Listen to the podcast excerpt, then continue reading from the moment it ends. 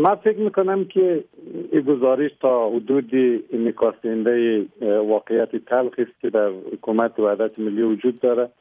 حکومت وحدت ملی از ابتدا بر اساس یک سنگ تعداد غلط گذاشته شد.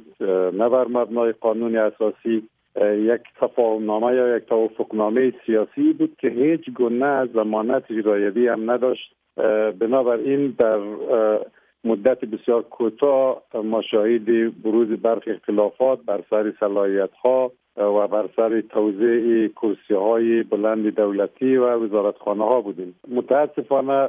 هر مقدار که این اختلاف نظرها بیشتر میشه با توجه به شرایط افغانستان وضعیت حکومت ما و نظام سیاسی افغانستان با چالش های جدی رو برو میشه و این دقیق است که گسترش این اختلاف نظرها می‌تواند تهدید بزرگی برای ثبات نظام سیاسی و مجموعه کلیت رژیم سیاسی موجود در افغانستان باشه که به حال با تلاش های بسیار زیادی مردم افغانستان و حمایت های گسترده جامعه جهانی تا به اینجا رسیدیم و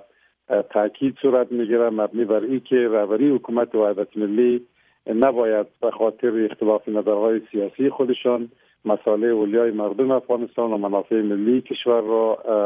صدمه بزنند در این گزارش رئیس جمهور افغانستان به شکل رئیس اجرایی حکومت وحدت ملی به قومگرایی متهم شده و گفته شده که اینا بدون مشوره با سایر اقوام به خصوص مردم ازاره و ازبک در تقرر کرسی های بلند همیشه از قوم خود مثلا آقای غنی از قوم پشتون انتخاب می‌کنه و امی رقم آقای عبدالله از تاجیک ها را انتخاب می‌کنه و سایر اقوام به خصوص ازاره ها و ازبک ها به گونه خود محروم احساس می‌کنه در محرومیت نسبی. شما که نماینده مردم در پارلمان هستین و با نماینده های اقوام مختلف در تماس هستین هم شما شماست.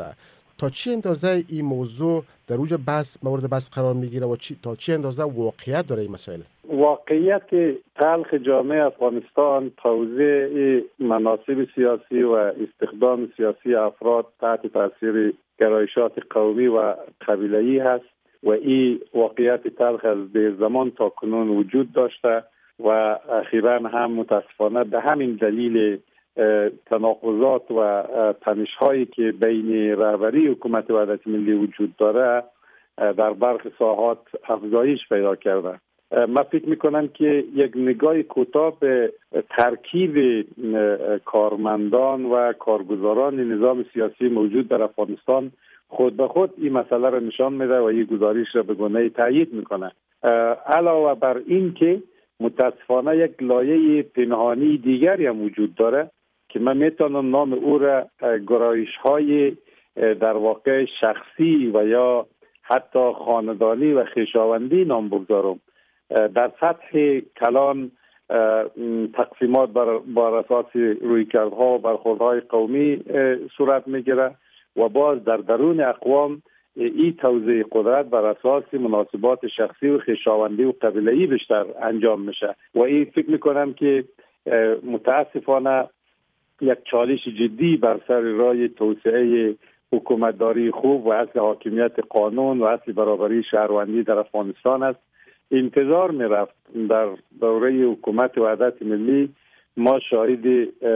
فراهم کردن زمینه های لازم برای عبور از فرهنگ پسمانده سنتی و قبیلوی باشیم. اما متاسفانه نه تنها زمینه برای عبور از این فرهنگ پسمانده فراهم نشد بلکه ما روز به روز ریشه های این فرهنگ قبیلوی را در درون جامعه خود استحکام میبخشیم و مستحکم تر می‌سازیم. این در زندگی سیاسی مردم افغانستان هم تاثیرات بسیار منفی و زیانباری را از خود به جای می‌گذاره و در خیلی از ساحات زندگی اجتماعی مردم افغانستان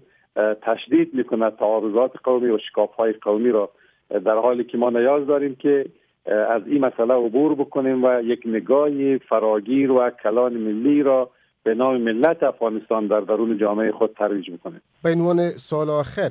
توافق حکومت وحدت ملی یکی از مسائلی که بالایش تاکید داشت برگزاری لوی جرگه قانون اساسی بود که باید قانون اساسی تعدیل می شد و کرسی صدارت به وجود می آمد آل در این گزارش ذکر شده که با در نظر شرایط امنیتی و زدوبندهای سیاسی احتمال برگزاری لوی جرگه قانون اساسی امکان پذیر نیست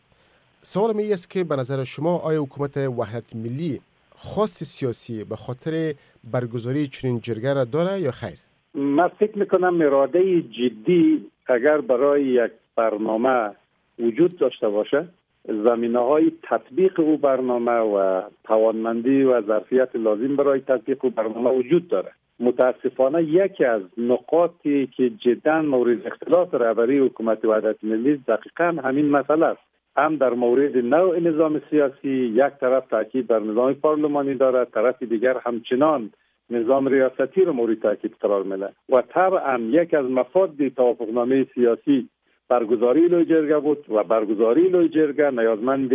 ایجاد مقدمات لازم هست که از جمله او فعال شدن شوراهای ولسوالی هاست. وقتی انتخابات برگزار نمیشه وقتی انتخابات پارلمانی ما قریب بیش از یک سال است که از موعد مقرر